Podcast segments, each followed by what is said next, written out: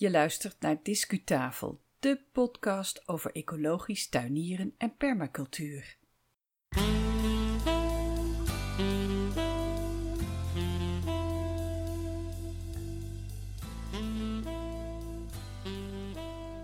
Hallo, welkom bij deze 51ste aflevering van Discutafel podcast. Leuk dat je luistert.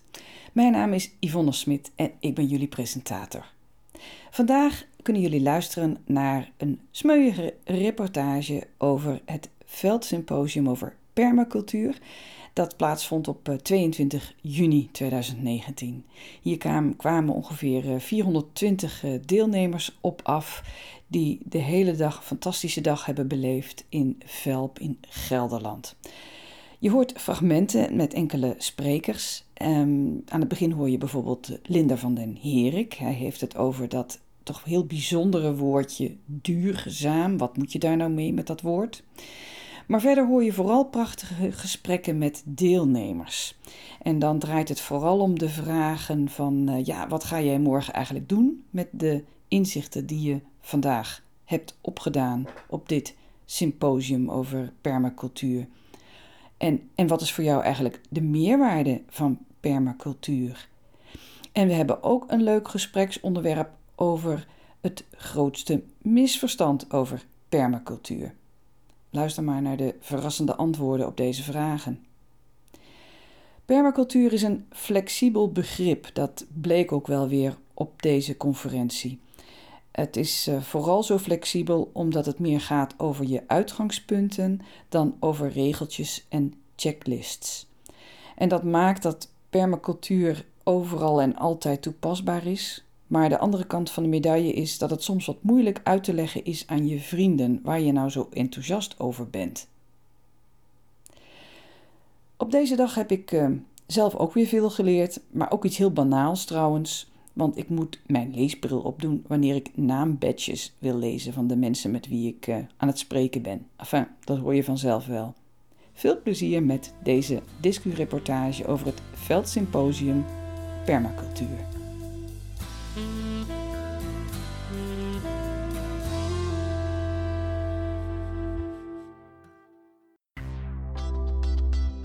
Discu-reportage.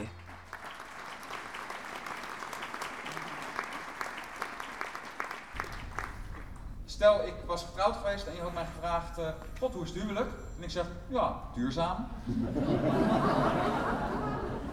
zo positief is dat woord niet en zo, lat, zo, hoog ligt die lat niet. Dus we moeten gewoon met z'n allen die lat hoger leggen en uh, beter gaan omschrijven naar die echte eigenschappen waar we naar op zoek zijn.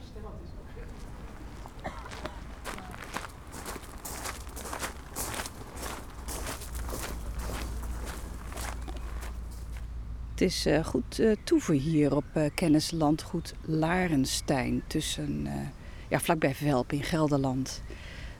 Ik heb een rondleiding gehad over het landgoed Larenstein. En toen heb ik geleerd dat dit vroeger het gebied was waar een klooster was van de zusters van de Goede Herder.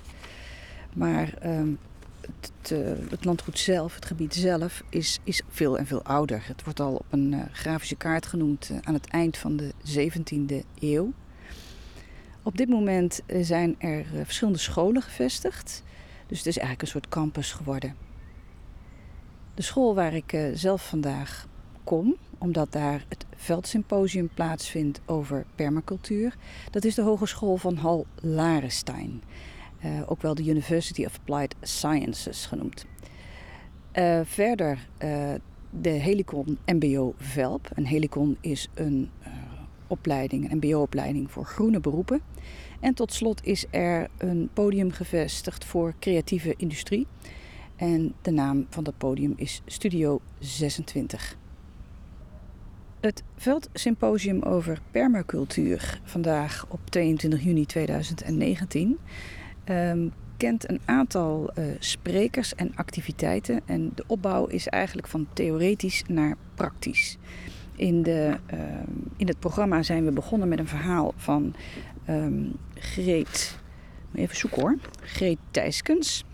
Zij uh, spreekt Vlaams en zij begon eigenlijk haar presentatie ook met de grappige opmerking van wees maar gerust, ik ben de enige Vlaamse spreker vandaag op dit symposium.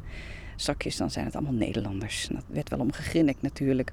En Greet is medewerker van Veld en zij heeft ons meegenomen in een verhaal over successie. Want successie is een belangrijk begrip in de natuur en ook bij permacultuur. Ehm, daarna kwam aan bod de schrijver van een, uh, een nieuw veldboek over uh, permacultuur. En de naam van de man is Linder van den Herik. Hij maakt het al wat praktischer en ik vind hem heel. Um, ja, hij heeft eigenlijk een hele mooie combinatie tussen nuchterheid, lijn in het verhaal houden en flexibel inspelen op de reacties uit de zaal. Bij ecologische tuinieren zoek je uh, ook oplossingen in, in hoe de natuur werkt, in ecologie. Maar is er soms nog gewoon heel veel ruimte voor reactief werken. Dus, dus het probleem, symptomen en daarmee gaan werken. En bij permacultuur is er echt een bewuste vooropzet om in het ontwerp alle oplossingen te zoeken.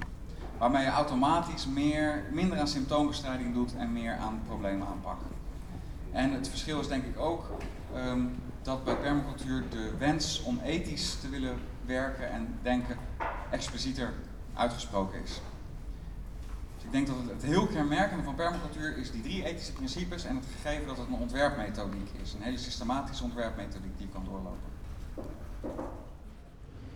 Malika Kieremans, zij is expert in voedselbossen, die ging vervolgens eigenlijk in op uh, het fenomeen voedselbossen.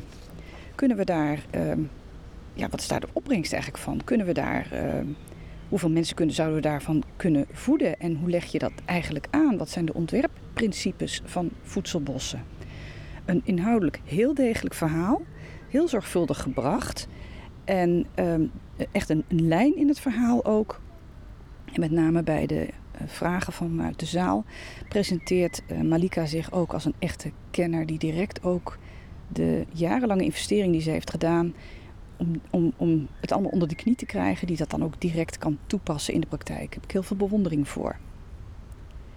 En even die vraag ook over van kunnen we nou het hele landschap van Nederland uh, transformeren tot, uh, tot permacultuursystemen? Ja, ik denk als je die permacultuurprincipes loslaat op onze hele maatschappij, zowel de stad als het platteland, dat we antwoorden vinden op, op al die crisis uh, die er gaande zijn nu in de wereld. En voedselbos, ik zie dat als uh, een onderdeel ervan. Wij zeggen met de voedselbosbeweging van nou, hè, we hoeven niet heel Nederland tot voedselbos te transformeren, we zijn met de helft ook tevreden. Maar het is wel een hele belangrijke. De rest van de andere helft mag permacultuurtuinen, agroforestry systemen met uh, uh, bosweides, akkerranden, maar bomen, zodra je bomen weer terug gaat brengen in het landschap, breng je op heel veel gebieden evenwicht terug. Tussen 12 en 2 was er een lunch georganiseerd en je kon ook meedoen aan een wandeling over het landgoed. Voor mij persoonlijk extra leuk dat dit landgoed zich bevindt naast de spoorwegverbinding tussen Arnhem en Zutphen, waar ik in mijn jeugd en in mijn puberteit en tijdens mijn studiejaren zoveel overheen ben gegaan met de trein. Dus ik, ik ken het, uh, het landgoed vanuit de trein en nu ben ik er zelf gewoon persoonlijk hier. Dat doet me heel veel genoegen. We hebben allemaal naar boven gekeken hoe hoge bomen zijn hier. Dat is prachtig. Ja, mooi. Ja. Dit zijn wel echte kruinbomen, hè? Bomen. Echt, ja, precies. Ja, ja. Wij noemen ook een stuk hier het oerbos. Volgens mij is dat Mhm. een onderdeel daarvan. En aan de andere kant van de school ook. Daar heb je echt heel veel van die hoge bomen. De oudste bomen. Ja, Komt ja, ja. En, ja. Hoi, hallo. Je staat hier in de rij voor de overheerlijke lunch op het uh, congres. Wat is volgens jou het grootste misverstand rond permacultuur? Dat is een moeilijke vraag. Ik zou het niet weten. Nee. Nou, ik, misschien een vooroordeel. Ehm geitenwolle sokken. Ja. En dat klopt niet. Nee, dat denk ik niet, hè? Als ik Want, zo om me heen kijk, dan klopt dat niet. wat zie je om je heen? Nou, gewoon... eh, allerlei normale mensen. Heb jij in jouw omgeving, jij, jouw naam is eh Paulien Jacobs, hè? Paulien, heb jij in jouw omgeving mensen al dingen moeten uitleggen over permacultuur? Terwijl ze zeggen, goh Paulien, maar die geitenwolle sokken, die heb jij nooit aan. En toch doe jij maar permacultuur. Nou, ik, ik, ik begin me er pas net in te verdiepen. Dus eh, ik sta nog helemaal eh, aan het begin. Dus ik heb het nog bijna niet uitgelegd. Hooguit aan, mijn- aan mijn man. Wat maakte dat je je in perma ging verdiepen? Ehm, ik ga verhuizen over een, over een paar maanden. En ik kan daar een nieuwe tuin gaan eh, aanleggen. En ik vind het heel leuk om, eh, om te gaan moestuinieren. Daar heb ik straks ruimte voor. Dus dat wil ik gaan doen. En toen kwam ik eigenlijk via mijn zus op dit idee. Dus dan sta je er al langer mee bezig.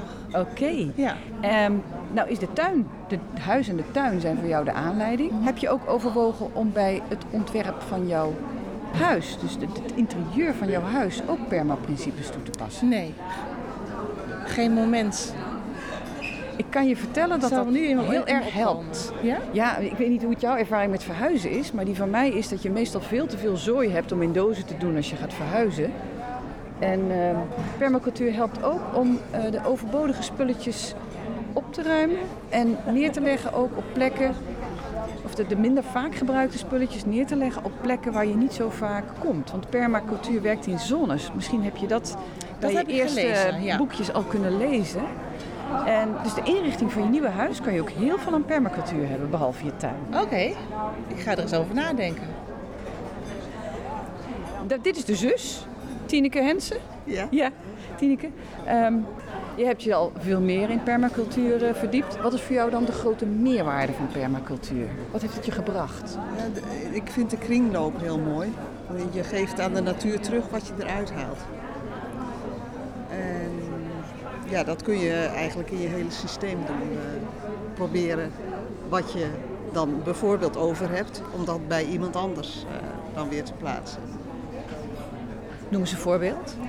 Eh, spullen in je huis, als je gaat verhuizen bijvoorbeeld. Bijvoorbeeld, ja. Dus je rekent op wat donaties van, eh, van je zus. Heb je al een oogje laten vallen op een leuke stoel of zo? Heb je nog ruimte? Nee, mijn huis is te klein. Nee, maar wat je eigenlijk zegt, mijn systeempje thuis, dat, dat maakt onderdeel uit van een veel groter systeem. Ja, En dat, zeker, Dat, ja. dat- daar vindt ruil plaats Ja, op allerlei vormen. ja. Oké, dankjewel. Smakelijke lunch. Oké, Dankjewel. jij ook. Na de pauze dan ehm, kunnen we naar Vera Greutink luisteren. Altijd een, een genoegen. De bekende permacultuurtuinier uit het noorden des lands. Ze schrijft, ze maakt eh, YouTube-filmpjes.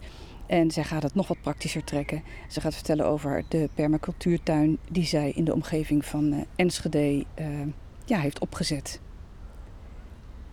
Dit is een polycultuur van, eh, die ik heb ontwikkeld zodat je hem in één keer kunt zaaien. Maar door de grote diversiteit van planten en groentes die erin zitten, kun je er maandenlang van eh, gaan oogsten. Dus vanaf drie weken nadat je hebt gezaaid tot in de winter. Links is een oogst eh, een paar weken na aanplant. En dat zijn dan eh, wat erin zit. Het eerste wat je, wat je plukt zijn verschillende soorten bladmosterd. Dan komen verschillende soorten sla. Maar er zitten ook wortels, bieten, snijbiet, peterselie, eh Ik vergeet vast wel iets. Ehm, dus dit is eh, in het begin van de oogst en dan lente uit. Dat is nog één. Eh, die andere foto is gemaakt in juni. Maar we oogsten in winter nog, of eh, ja, begin winter nog de sigorij en dan later nog de pastinaak. En dat heb je dus van één keer zaaien.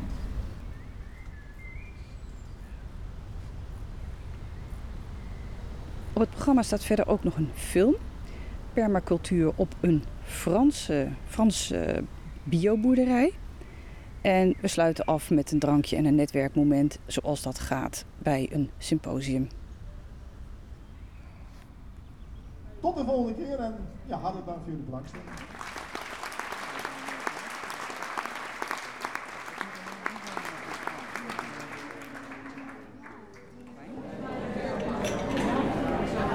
Hallo, we zijn aan het eind gekomen van dit symposium. Dit is Paul, Paul, Paul Schep. Paul Schep. Dit is Paul Schep aan het einde van het symposium. Wat vond je ervan, Paul? Ja, ik vond het eh, erg eh, inspirerend. En brengt eigenlijk heel veel ideeën eh, brengt het boven. Zowel voor directe omgeving als, als wat we als maatschappij zouden kunnen doen. Wat is het eerste idee wat je te binnen schiet, wat je zelf morgen thuis kan gaan u- uitvoeren? Ehm, goed nadenken. Dus eh, de planningsfase is heel belangrijk. Kijk hè, kijk hè. Dankjewel. En naast jou staat eh, Hanna. Freuk. Hier verreek zich onmiddellijk dat ik mijn leesbril niet op heb. Hanna, wat denk jij dat het grootste misverstand rondom permacultuur is?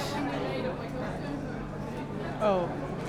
Ehm, ja, eigenlijk wat, wat, we ook, wat ook werd besproken, best wel aan het begin, volgens mij in de ochtend, in een van de ochtendsessies, dat het dus eigenlijk aan de ene kant heel mooi is dat, dat iedereen het eigenlijk zelf kan definiëren, maar dat het daardoor natuurlijk ook heel lastig is om ja, echt uit te leggen aan iemand die daarvan nog nooit heeft gehoord wat het is. Dus ik, ik zou niet zo makkelijk kunnen beantwoorden wat nou het grootste misverstand is, maar ik vind het überhaupt al lastig om dan aan mijn vrienden die daar nog nooit iets van hebben gehoord, dan he- heel snel in een paar zinnen begrijpelijk te maken hoezo ik er zo enthousiast over ben. Zeg maar, dat kan ik wel overbrengen, maar ik vind het lastig om uit te leggen. ja. En dat is eigenlijk wel bevestigd vandaag, dat dat best ook moeilijk Ja, is. maar wel dat je... Nou ja, zo'n dag geeft je dan ook wel nieuwe invalshoeken en mogelijkheden hoe je het dan wel kan uitleggen. En anderen gaan enthousiasmeren. Misschien dat de praktische voorbeelden die ook aan bod kwamen, zowel in de film als eh, het verhaal van Vera Greutink bijvoorbeeld, dat die het wel makkelijker maken om uit te leggen aan je vrienden wat permacultuur is en waarom je daar zo blij van wordt. En nou kijk ik naar Carol Domen. Ja, ja. Ehm, ja, dat klopt. Het is natuurlijk jammer dat we niet echt in de tuin eh, zijn. Maar ik denk dat ze ons in hun presentatie heel goed meegenomen hebben. En dan gaan je handen wel jeuken als je het ziet. En dan kun je er ook zeg maar, aanschouwelijker over vertellen. Ja, absoluut. Ja. En naast jou staat eh, Ben. Dat mag je zelf zeggen, want ik, ik kan het ik gewoon ben, niet ik ben lezen. geen Ben, ik ben, ik ben wel Ben, maar Ja. ik, ik ben René. Je bent er een... Oh, zo erg is het al. Ja. René, ja. Wat, wil je, wat wil je mij vragen? wat vond jij vandaag van het symposium? Nou, ik heb met veel plezier hier eh, gezeten en rondgelopen. En ik geloof dat ik het rondlopen nog wel het leukste vond. Om, eh, om ook eh, te zien hoe, hoe de allerhande stukjes hier ook een, op Larenstein in de praktijk gebracht gaan worden. Buiten op het landgoed, hè? Ja, hoe, hoe op het landgoed ook een, een, een mooie bostuin wordt aangelegd en hoe ze daarmee bezig zijn. En als je ziet wat er op de plaatjes voorbij komt en op de film voorbij komt, dan zouden we hier een, eh, een heel mooi juweeltje in een kleine hof van Ede kunnen verwachten. Dus dat vind ik heel mooi. Chapeau voor zowel Larenstein als Velf dat ze dit eh, promoten. Jawel, dat is. En ik vind ook dat heel opvallend dat Larenstein ook over zoveel grond beschikt Ja. om dit te kunnen doen. Ja. Dat is niet bij iedere opleiding zo natuurlijk. Nee, dat is heel mooi. Eh, als je de opleiding niet alleen maar de theorie kunt presenteren, maar ook kunt laten zien wat er in de werkelijkheid gebeurt. Dan is dat natuurlijk goed voor al die studenten die hier naartoe komen. Fantastisch. Ja. Ik ga nog even terug naar de eerste spreker. Ehm, wat voor een concrete tip neem jij voor morgen mee? Wat ga je morgen doen? En, nou, ik, eh, ik ben eh, een reis aan het voorbereiden naar Guatemala. En daar werken wij, beroepsmatig werken wij ter ondersteuning Je wijst naar eh, René? Ja, ik Ja? wijs naar René. en eh, daar werken wij beroepsmatig eh, ter ondersteuning en behoud van eh, regenwouden. En nou kwam René op het idee van nou permaculture en eh, voedselbossen, dat zou een heel mooi instrument zijn om aan de randen van de, van de regenwouden om dat te stimuleren en daarmee zeg maar, de mensen die daar wonen, om die het besef bij te brengen van nou, als je voedselbossen plant, dan, heb je daar, eh, dan kun je daar bestaan uit opbouwen. En dan eh, is de noodzaak bestaat niet meer om het regenwoud in te gaan en te kappen.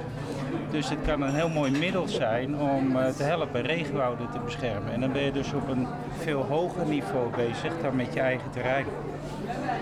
Je gaat de, de, de kennis en de vaardigheden weer proberen terug te brengen bij de lokale bevolking. Want in vorige eeuwen hebben die mensen daar ook overleefd, neem ik aan. Ja, en toen, toen was de bevolkingsdruk veel minder hoog dan ja, nu. Ja. En daar is nog ontzettend veel kennis aanwezig. Maar dat zouden we wel op deze manier ook kunnen benutten om eh, ook een toekomst te garanderen. Hoe voorkom je dat ze denken, ja, dat is weer zo'n idee van een Oostenrijker of van een Australiër. En ik zit hier uh, vlak bij de jungle, uh, dat is bij ons niet toepasbaar. Witte mannen gedoe. Nou, we hebben ook heel veel lokale collega's, dus we, hebben, we zijn daar aanwezig als organisatie en we hebben goede verbinding met de lokale gemeenschappen. Dus uh, wij worden niet als uh, buitenlandse nog even, nog even jullie organisatie. Wat, René, ja, wat is, hoe is jullie organisatie? Onze, onze organisatie heet Rainforest Alliance. En, uh, maar wat ik wilde ja. vooral ingaan op wat Paul zei, van ja. wat jij zelf ook zei. Van vroeger deden mensen dat ook, ja natuurlijk. Vroeger hadden we ook erftuinen in Indonesië. Uh, daar moest ik heel erg aan denken, van die kleine plekjes waar je dan waar een, een, een boer zijn, zijn, zijn, zijn huistuin en keukengewas had. Uh, zeg maar eerst wat pepertjes om de hoek, wat koriander, een stukje verder. En als je echt veel verder kwam, kwam ik was op de rijstvelden. Zoals die er al waren. Maar je vroeg ook van ja, hoe, hoe, maak je zo'n verandering? Hoe breng je zo'n verandering teweeg? Ik de vorige verandering, die is ook door de Narensteins en de Wageningen van deze wereld daar naartoe gebracht. Van hé, hey, we moeten een monocultuur hebben. Het is zo mooi om te laten zien dat je hier ook met een met een, uh, met een gemengde cultuur, met verschillende cultuur, met permacultuur, zo, zoals je wil, weer, weer aan de slag komt. En dan kom je misschien wel dichter bij de praktijk van een, uh, van een, uh, van een bepaald gebied, zoals dat misschien 15 jaar, 20 jaar of 50 jaar geleden werd, werd gedaan. Dus ik weet niet of dat zoveel anders is. Geweldig, dank jullie wel. Graag gedaan.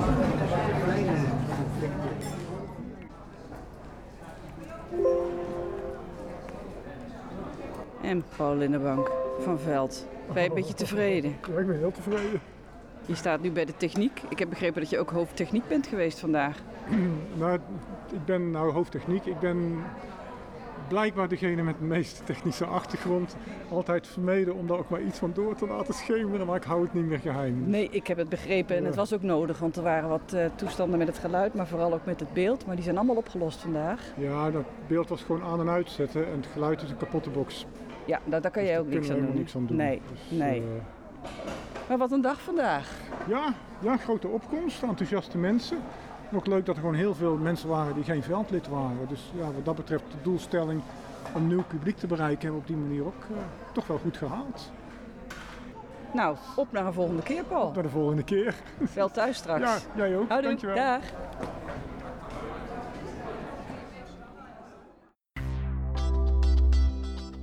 Discuslot. Tot zover deze reportage van het Veldsymposium Permacultuur van 22 juni 2019 in Velp. Deze reportage kwam tot stand in samenwerking met diezelfde organisatie Veld. Heel erg bedankt aan iedereen die voor aan onze microfoon iets wilde vertellen. Deze aflevering van Discutafel Podcast die staat online sinds 4 juli 2019. De zomer is in aantocht, of is eigenlijk al begonnen, en we gaan er lekker van genieten. Ik hoop jullie ook. Maar dat betekent wel dat we er even niet zijn. De eerstvolgende aflevering van Discutafel podcast die verschijnt ergens, waarschijnlijk ergens in, uh, in augustus. Um, ik zou zeggen, hou je podcast-app in de gaten, dan zie je hem vanzelf voorbij komen. Of ga eens terugluisteren naar de afleveringen die je via jezelfde podcast-app nog kunt, uh, kunt beluisteren. In die volgende aflevering van Discutafel podcast kan je luisteren naar een reportage vanuit een historische moestuin. Je krijgt dan ook het antwoord op de vraag: wat is nou eigenlijk het verschil tussen het bleken en het trekken van groenten? En verder publiceren we natuurlijk de namen van de winnaars van de lopende discu-actie. Deze winnaars die zijn, hebben dan gewonnen groene prijsjes. En dat kan zijn een kortingskaart voor de toegang tot, het, uh, tot de levenstuinen van het Groot Hondschoten bij Teugen. Daar heb je in de, de, vorige aflevering al een reportage over kunnen horen. En verder hebben we allerlei leuke zaadjes voor in je moestuin en je siertuin voor je klaar liggen. Hoe kom jij in aanmerking voor het winnen van zo'n groen prijsje? Nou, daarvoor moet je abonnee zijn op onze nieuwsbrief Discu Post. En je kunt abonnee worden door naar onze website te gaan en je daarvoor aan te melden. Die website is discutafel.nl. Nogmaals, dank voor het luisteren naar Discutafel podcast. Ik hoop dat je lekker geniet van de zomer en graag tot de volgende keer.